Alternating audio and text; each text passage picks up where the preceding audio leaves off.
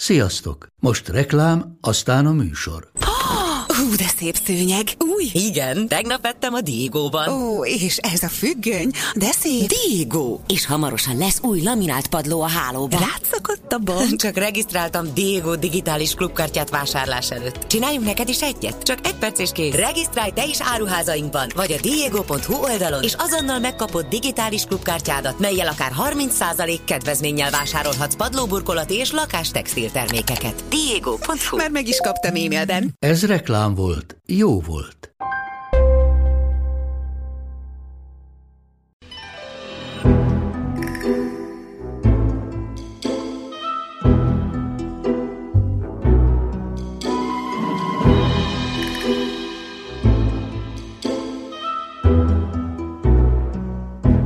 Üdvözöllek, Júlia vagyok, ez itt az Attágító Podcast, kuriózumokkal a tudomány világából, elképesztő, abszurd és humoros érdekességekkel. Tölts velem néhány percet, és a férfival, aki kalapnak nézte a feleségét. Az orvostudományban és a pszichológiában vannak esettanulmányok, amelyek szinte önálló életre keltek, és a pácienseket halhatatlanná tették. Mint Freud, Anna Ója, vagy az emlékezet nélküli ember, akit a pszichológus hallgatókedrei HM-ként ismernek, vagy a nagyszerű neurológus Oliver Sacks Dr. P-je. Dr. P. kiváló zenész és énekes hírében állt, és később tanár lett a helyi zeneiskolában.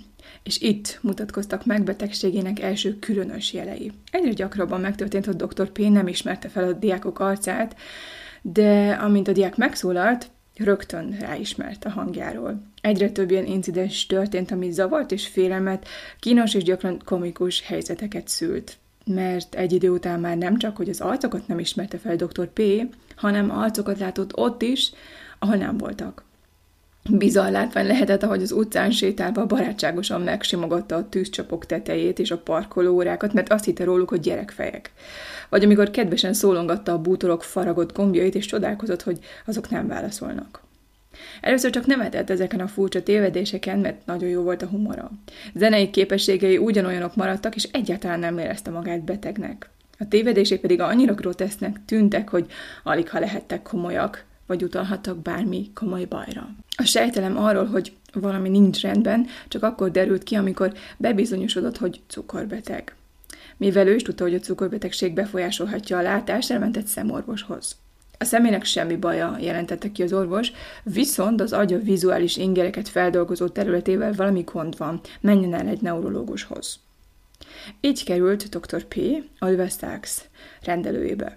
Sachs leírta, hogy a demenciának, elbútulásnak nyoma sem volt nála. Dr. P. rendkívül művelt, szimpatikus ember volt, aki rendkívül jól és folyékonyan nagy fantáziával és humorral fejezte ki magát. Mégis volt benne valami különös. Sachs rájött, hogy dr. P. a fülével fordul felé, nem pedig a szemével. Ahelyett, hogy nézne, és a szokásos módon érzékelte volna az orvost, a szeme furcsán tapadt bizonyos testrészekre, mintha csak ezeket az egyedi vonásokat regisztrálná, vagy vizsgálná, de nem az orvost, mint egészet. Szex megkérdezte tőle, hogy mi lehet a baj. Dr. P. azt válaszolta, hogy tudtával semmi, de mások úgy vélik, hogy valami gond lehet a szemével, ő maga csupán néha furcsa tévedéseket vesz észre. Ezután Szex egy neurológiai rutinvizsgálatot végzett el nála. Izomerő, koordináció, reflexek, tónus. Dr. P. reflexei a bal oldalon enyhén abnormálisak voltak. A vizsgálathoz lehúzta a bal cipőjét, dr. Sex megcsiklandozta a talpát, ami a reflex vizsgálat egyik jelentéktelennek tűnő, de elmaradhatatlan módszere. Aztán a pupilla lámpa felé nyúlt, és odaszólt dr. P-nek, hogy nyugodtan vegye fel a cipőjét. Dr. P azonban nem mozdult, és egy perc múlva még mindig nem volt rajta a, a cipő. Erre Sex megkérdezte, segíthetek? A dr. P így válaszolt, kinek segíthet és miben? Magának felvenni a cipőjét. Dr. P erre lefelé nézett, de nem a cipőjére. Intenzíven, de céltéveszve összpontosított. Végül a tekintete megállapodott a saját lábfején, aztán megérintette azt. Ez a cipőm, ugye? Nem, az a lába. Ott van a cipője. Ó, azt hittem, az ott a lábam. Dr. Sex először nem tudta, hogy Dr. P. most viccelt, vagy megőrült, vagy vak. Sachs segített neki felvenni a cipőjét, és elvégezte a vizsgálat hátra lévő részét. A látás élessége teljesen jó volt, Könnyedén meglátott egy gombos tűt a padlón, bár ha a tűt a bal oldalára tették, azt nem mindig vette észre. Jól látott, de vajon mit? A National Geographic magazin egyik számának címnak fotója egy egyenletesen elterülő dűnös volt ábrázolt a Szaharában. Dr. P. ezen egy folyót és egy kis vendégházat azonosított, amelynek a terasza a víz fölé nyúlik, és emberek ebédelnek a teraszon, magyarázta, itt-ott színes napernyők vannak. Amikor a vizsgálat befejeződött, körülnézett, és a kalapját kezdte el keresni. Kinyújtotta a karját, és megfogta a felesége fejét. Próbálta megemelni és a fejére tenni. Az rezignáltan pislogott, az asszony még csak meg sem lepődött, látszott, hogy hozzá van szokva az efféle dolgokhoz. Oliver Sacks néhány nap múlva felkereste dr. Pét és a feleségét otthonukban. A lakásban könyvek, festmények voltak, de a zene állt a középpontban. Dr. P. belépett és kinyújtott kézzel, szórakozottan a fali órája felé indult, de amikor meghallotta a hangját, Dr. Sachs hangját, irányt változtatott és kezet rázott vele. Üdvözölték egymást és beszélgettek kicsit erről-arról, az aktuális koncertekről, előadásokról. Később Sachs elővett egy paklikártyát. Dr. P. pillanatok alatt azonosított minden figurát, ahogy egy karikatúra kötett szereplőit is. Amint felismert a rajzon egy kulcsfontosságú részletet, például Churchill szivarját vagy Pinocchio orrát, rögtön azonosítani tudta a személyt de ugye a karikatúrák is jelképesek és sematikusak. A valódi, realisztikusan megjelenített arcokkal voltak a bajok. A tévét felkapcsolva nem ismerte meg a színészeket, de talán még megdöbbentőbb volt, hogy az arckifejezéseket sem ismerte fel, pedig azok az érzelmek széles skáláját mutatták be. Dr. P. azonban nem nagyon értette, hogy mi történik, nem tudta, hogy ki kicsoda, de még az sem, hogy milyen nemű. A lakás tele volt fényképekkel róla, a családjáról, a kollégáiról, a tanítványairól. Nagyjából senki sem ismert föl, sem a családját, sem a kollégáit, sem a tanítványait, sem önmagát. Egy portrén ugyan felismerte Einstein, de csak azért, mert észrevette a jellegzetes haját és bajuszát. És még egy borzalmasan érdekes dolog is történt, Szerx egy gombjukába tűzött rikító vörös rózsával érkezett dr. P-hez. Átnyújtotta neki, aki aztán a kezébe vette, és úgy vette a kezébe, mint egy botanikus valami különleges növényfajtát. Hm, 20 centi lehet, satszolta dr. P. Hm, különösen csavart vörös forma, egyenletes zöld toldalékkal. Ez valószínűleg egy virág, állapította meg bizontalanul. Erre Szex megkérde, hogy szagolja meg. Megrökönyödve ugyan, de megszagolta, ezután hirtelen felélénkült és lelkendezni kezdett. Ez csodálatos, ez egy korai rózsa, micsoda mennyei illat. Tehát úgy tűnt, hogy szaglás útján képes érzékelni a valóságot, csak látás útján nem. Végül Szex még egy utolsó próbát tett. Az egyik kesztyűre mutatva megkérdezte, mi ez? Dr. P. alaposan megvizsgálta a kesztyűt, konstatálta, hogy ez egy egyenletes felület, duplán hajtva, öt kitüremkedéssel. Talán valamiféle tároló? Dr. P. arcán a felismerés leghalványabb jelesen mutatkozott. Később aztán véletlenül felhúzta a kesztyűt, és felkiáltott, úristen, ez egy kesztyű. Oliver Sacks rájött, hogy Dr. P. a látható világot élettelen absztrakciók sokaságaként érzékelte, és kétségbeesve próbált tájékozódni benne. Igazából nem is volt vizuális világa, ahogy vizuális ényese. Tudott beszélni a dolgokról, de szemtől szemben nem látta őket. Ezután Sachs azt akarta kideríteni, hogy vajon a vizuális memóriája és a képzelő ereje még épp-e.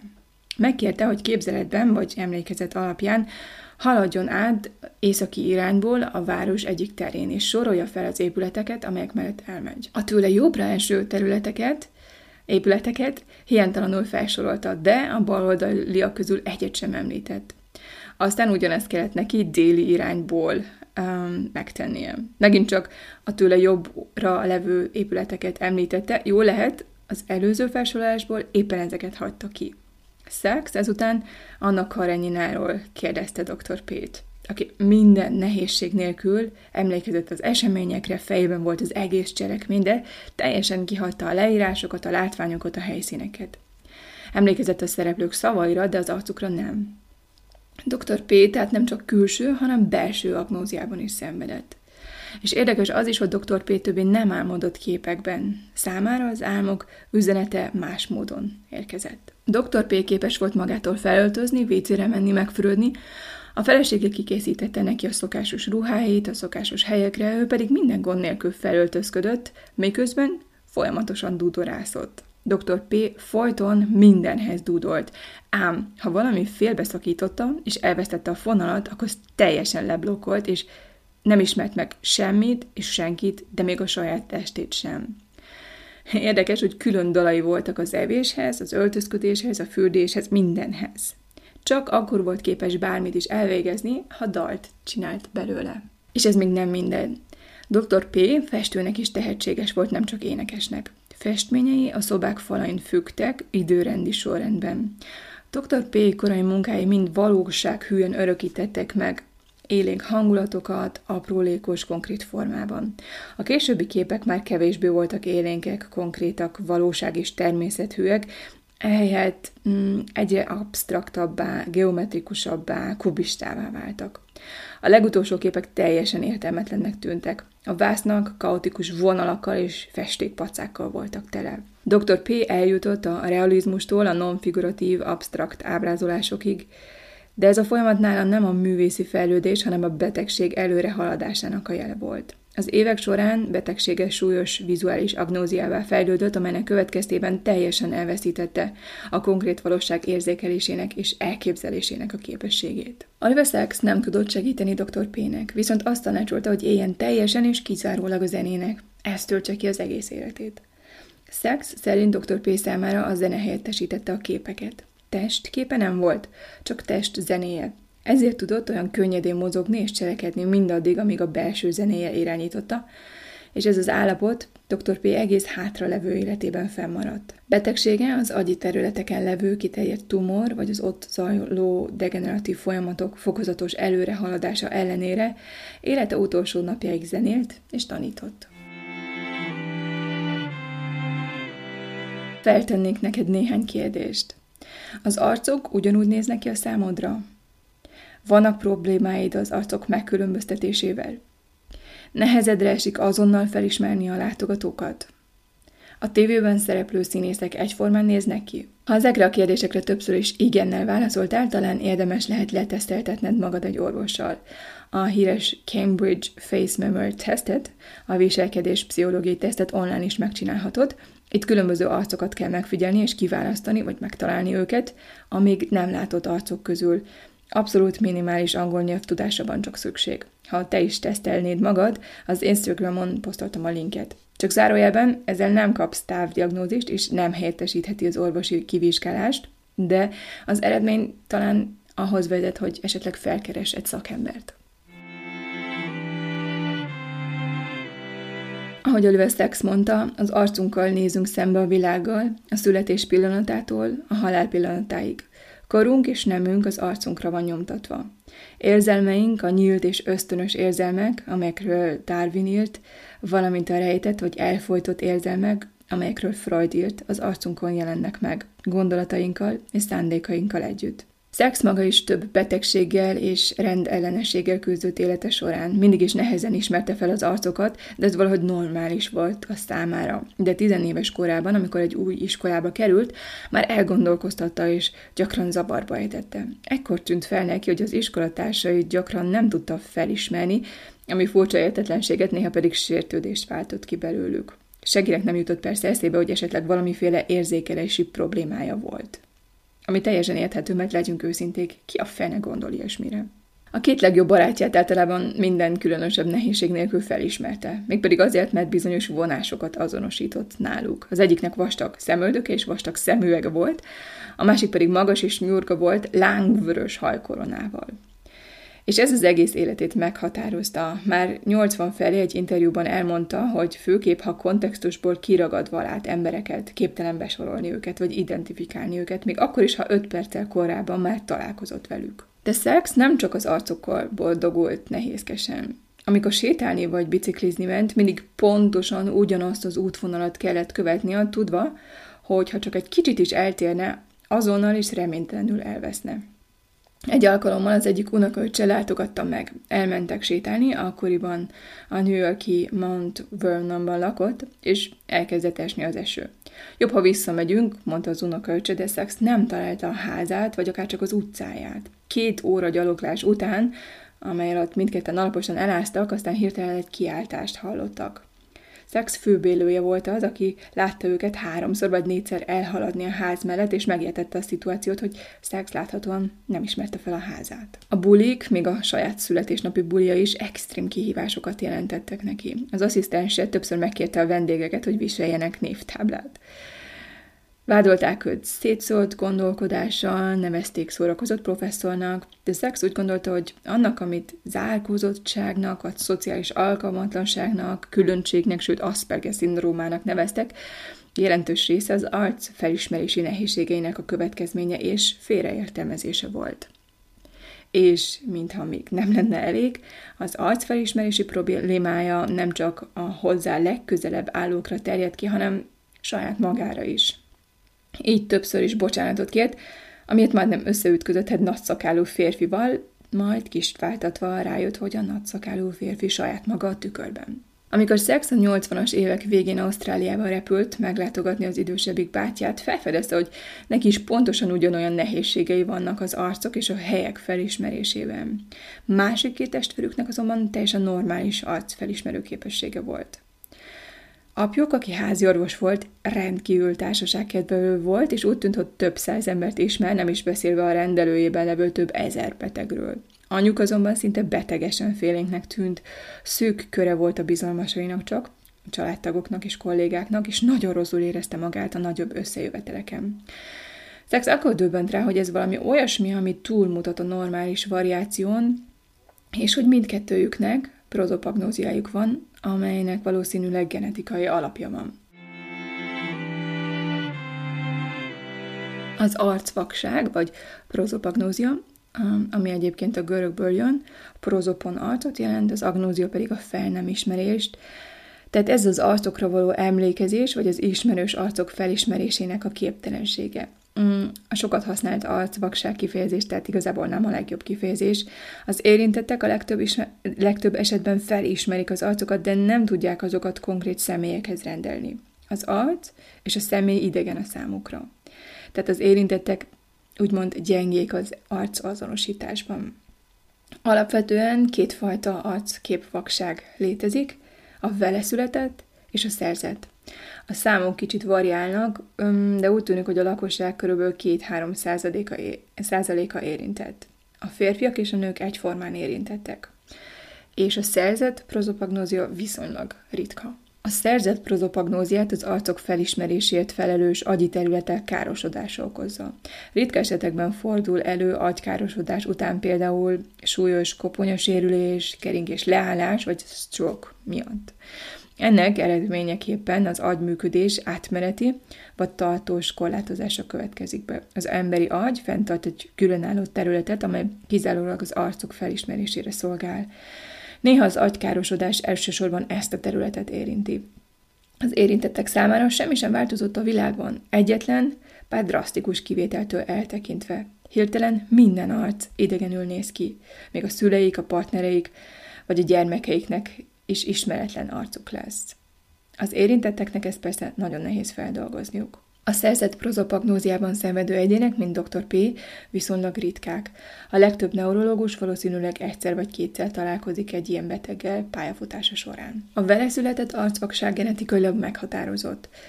Ez azonban alig észrevető, mert az érintettek már fiatalkoruktól kezdve megtanulnak együtt élni a részleges károsodással, és ez a gyakoribb forma. Ezek az emberek már kicsi gyerekként sem az arcukról ismerik fel a szüleiket, hanem a hangjukról, alakjukról, mozgásukról vagy öltözködésükről. A további felismerési jellemzők, jellemzők közé tartoznak például az olyan részletek, mint a szempillák, a fülek, a fogak helyzete, vagy a hegek vagy piercingek. Sok vele született prozopagnóziában szenvedő ember sokáig nem is tudja, hogy arcvak. Gyakran attól tartanak, hogy egyszerűen feledékenységben szenvednek, szórakozottak, vagy koncentrációs problémáik vannak. A vele született prozopagnózia öröklődhet, így a család több tagja is érintett lehet. és körülbelül minden második iskolai osztályban vagy óvodai csoportban várható, ha találunk egy prozopagnóziás gyereket.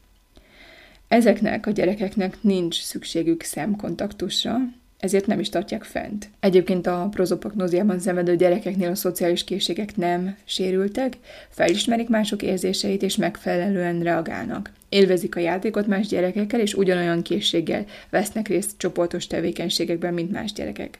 Ebben a tekintetben a prozopagnózia világosan elkülönül az autista rendellenességek spektrumától. A prozopagnóziában szenvedő felnőttek és gyerekeknek nagyon nehéz felismerniük a többi embert a mozgó tömegben. A bevásárló utcánban, a piacon, áruházakban, vasútállomáson, karneválokon. A gyerekek például ezért nagyon vigyáznak arra, hogy ne ereszték el anyjuk vagy apjuk kezét. Az érintettek a stratégiák egész sorát fejlesztették ki az emberek felismerésére, sokan a ruházatukról, a hangjukról, a hajukról ismerik fel a társaikat. Ezért az érintettek számára nagyon nehéz gyorsan reagálni a külső megjelenés változásaira. Tehát, ha valaki megváltoztatta a külsejét, új hajszín, hajvágás, masszív fogyás vagy hízás, akkor rendkívül nehéz lesz felismerni az illetőt. Bár az arcvakságról szóló első beszámolók az ókorból származnak, Joachim Bodemann német neurológus tartják úttörőnek. 1947-ben írta le részletesen három olyan beteg tüneteit, akik egy agysérülés után már nem tudták felismerni az egészségügyi személyzetet, sőt, egyes esetben még a hozzátartozóikat sem. Bodemann nevezte el az, ezt a jelenséget prozopagnóziának. Mióta Mónika és Thomas Krüter Münsteri kutató és orvos házaspár 2002-ben közzétették adataikat, a prozopagnóziáról szóló tudományos cikkek száma robbanásszerűen megnőtt. Az elterjedtségi tanulmányunk előtt senki sem feltételezte volna, hogy ez ennyire gyakori, mondja dr. Kruta. Hirtelen számtalan kísérleti alany állt az agykutatók rendelkezésére, akiknek a segítségével lassan fényderül az, egy, az érzékelés egyik nagy rejtéjére. Hogyan működik az arcfelismerés? Mitől olyan pontos? Miért elég egy pillantás ahhoz, hogy a névtelen tömegből kiválasszuk egy régi is, kiválasszunk egy régi ismerőst, még akkor is, ha csak profilból látható, és ráadásul jelentősen megöregedett. Grüterék olyan kérdőíveket dolgoztak ki, amelyekkel a vele született észlelési rendellenesség jól diagnosztizálható. Hogy mi okozza az arcvakságot, mm, nem tudhatjuk egészen pontosan, momentán két elméletet vitatnak. Az egyik az, hogy a konfiguratív feldolgozás nem működik a prozopagnóziásoknál, a másik pedig az, hogy nincs mentális kép a fejükben. Egyrészt az érintettek nem tudják az egyes arcelemeket, például az orrot vagy a szájat egészé formálni, alakot alkotni, vagy az egész arccal összekapcsolni. Másrészt hiányoznak a fejükben azok a képek, amelyek általában az embernek eszébe jutnak, amit egy személyre gondol. Gyakorlatilag minden prozopagnóziás betegnél függetlenül az okától, az occipitotemporalis kéreg alsó részén találhatók elváltozások. És szinte mindig a fusiform gihus nevű struktúrában van a károsodás, itt mutattak ki elváltozásokat. A prozopagnózia nem betegség, hanem kognitív zavar. A különböző stratégiák az emberek felismerésére, amelyekkel az érintettek kompenzálják a hiányosságokat, nagyon fontosak, mivel nincs terápia. Az érintetteknek meg kell tanulniuk együtt élni a zavarral. Az elmúlt néhány évtizedben nagyon is tudatossá vált bennünk az agy plaszticitása, az, hogy hogyan veheti át az agy egy része vagy rendszere egy hibás vagy sérült agyrész funkcióit. Úgy tűnik azonban, hogy ez nem történik meg a prozopagnózia vagy a topográfiai agnózia esetében. Ezek általában élethosszig tartó állapotok, amelyek nem enyhülnek az életkor előre haladtával. Napjainkban az orvostudománynak még nem sikerült azonosítani a rendellenességért felelős gént, és nem tudja helyreállítani az agy érintett területeit. Mindazonáltal a szakértők és maguk az érintettek is azt javasolják, a felvilágosítás a legjobb megoldás. Elmagyarázni a családtagoknak, barátoknak, kollégáknak, hogy mi a helyzet, ekkor ők jobban megértik a problémákat, és segíteni tudnak esetleg kényes helyzetekben. Híres emberek prozopagnóziával Jane Goodall, a híres csimpánz kutató is prozopagnóziában szenved. Problémákat okoz neki mind a csimpánzok, mind az emberek felismerése. Elmondása szerint gyakran képtelen megkülönböztetni az egyes csimpánzokat az arcuk alapján, de ha egyszer jól megismert egy csimpánzt, akkor megszűnnek ezek a nehézségek, ahogy a családtagjaival és a barátaival sincsenek gondjai. De nála is gondot okoz, ami a többi prozopagnóziásnál is tipikus. Hatalmas problémáim vannak az átlagos arcú emberekkel, mondja. Meg kell keresnem egy anyajegyet, vagy valami kirívót. Továbbá neki is nehézségeket okoz a helyek felismerése. Egyszerűen nem tudtam, hogy merre, amíg nem ismertem jól az útvonalat. Vissza kellett fordulnom, és újra, meg újra, meg újra meg kellett néznem a tájékozódási pontokat, hogy visszataláljak. És ez az erdőben hatalmas problémát jelentett, és folyton eltévedtem. A prozopagnóziában szenvedő emberek között van Brad Pitt színész is, és Victoria svéd korona hercegnő is, de akit szeretnék kiemelni, az Chuck Close. Hogyan alkothatsz festőként, ha többek között arcvakságban szenvedsz? Chuck Close a washingtoni Monroe-ban született neuromuszkuláris rendellenességgel és diszlexiával. A testi és tanulási zavarok kombinációja nagyon megnehezítette az iskolai tanulást. Emellett prózopagnóziája miatt képtelen felismerni vagy megjegyezni az arcokat, ami talán korai indítatás volt a portrék készítéséhez. Close-nek kifejezetten súlyos prozopagnóziája van de úgy véli, hogy ez döntő szerepet játszott egyedülálló művészi látásmódjának a kialakulásában. Nem tudom, hogy ki kicsoda, és lényegében egyáltalán nem emlékszem a valós térben élő emberekre, mondja. De amikor egy fényképen ellapítom őket, akkor azt a képet emlékezetembe tudom vésni.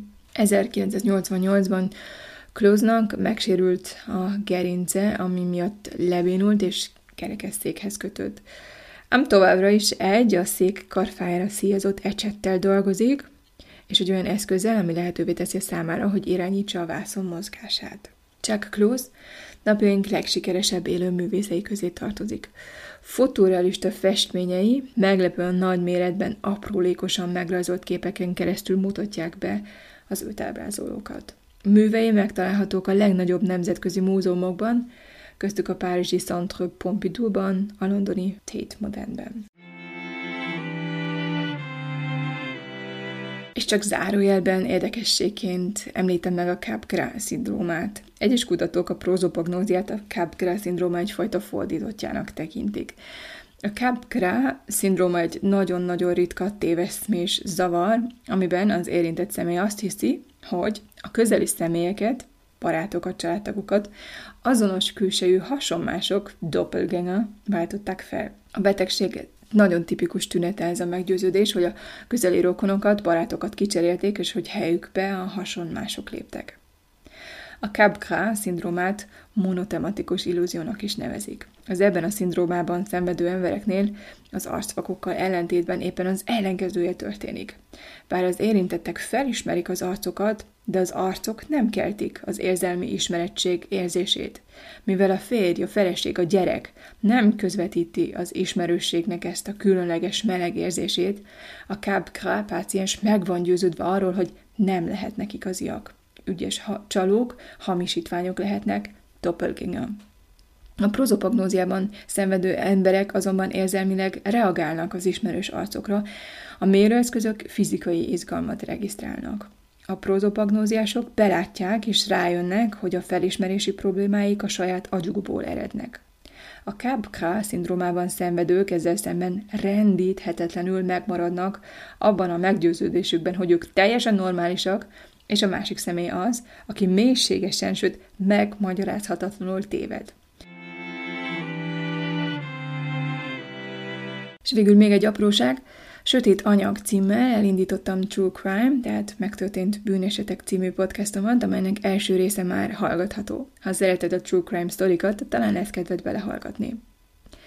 És ennyi volt az attákítás mára, remélem tetszett a mai rész. Ha kíváncsi vagy, további információkat, fényképeket és linkeket posztoltam az Instagram oldalamon, keres rá az attágító podcastra. Hamarosan újra jelentkezem, addig is, maradj szkeptikus, maradj kíváncsi!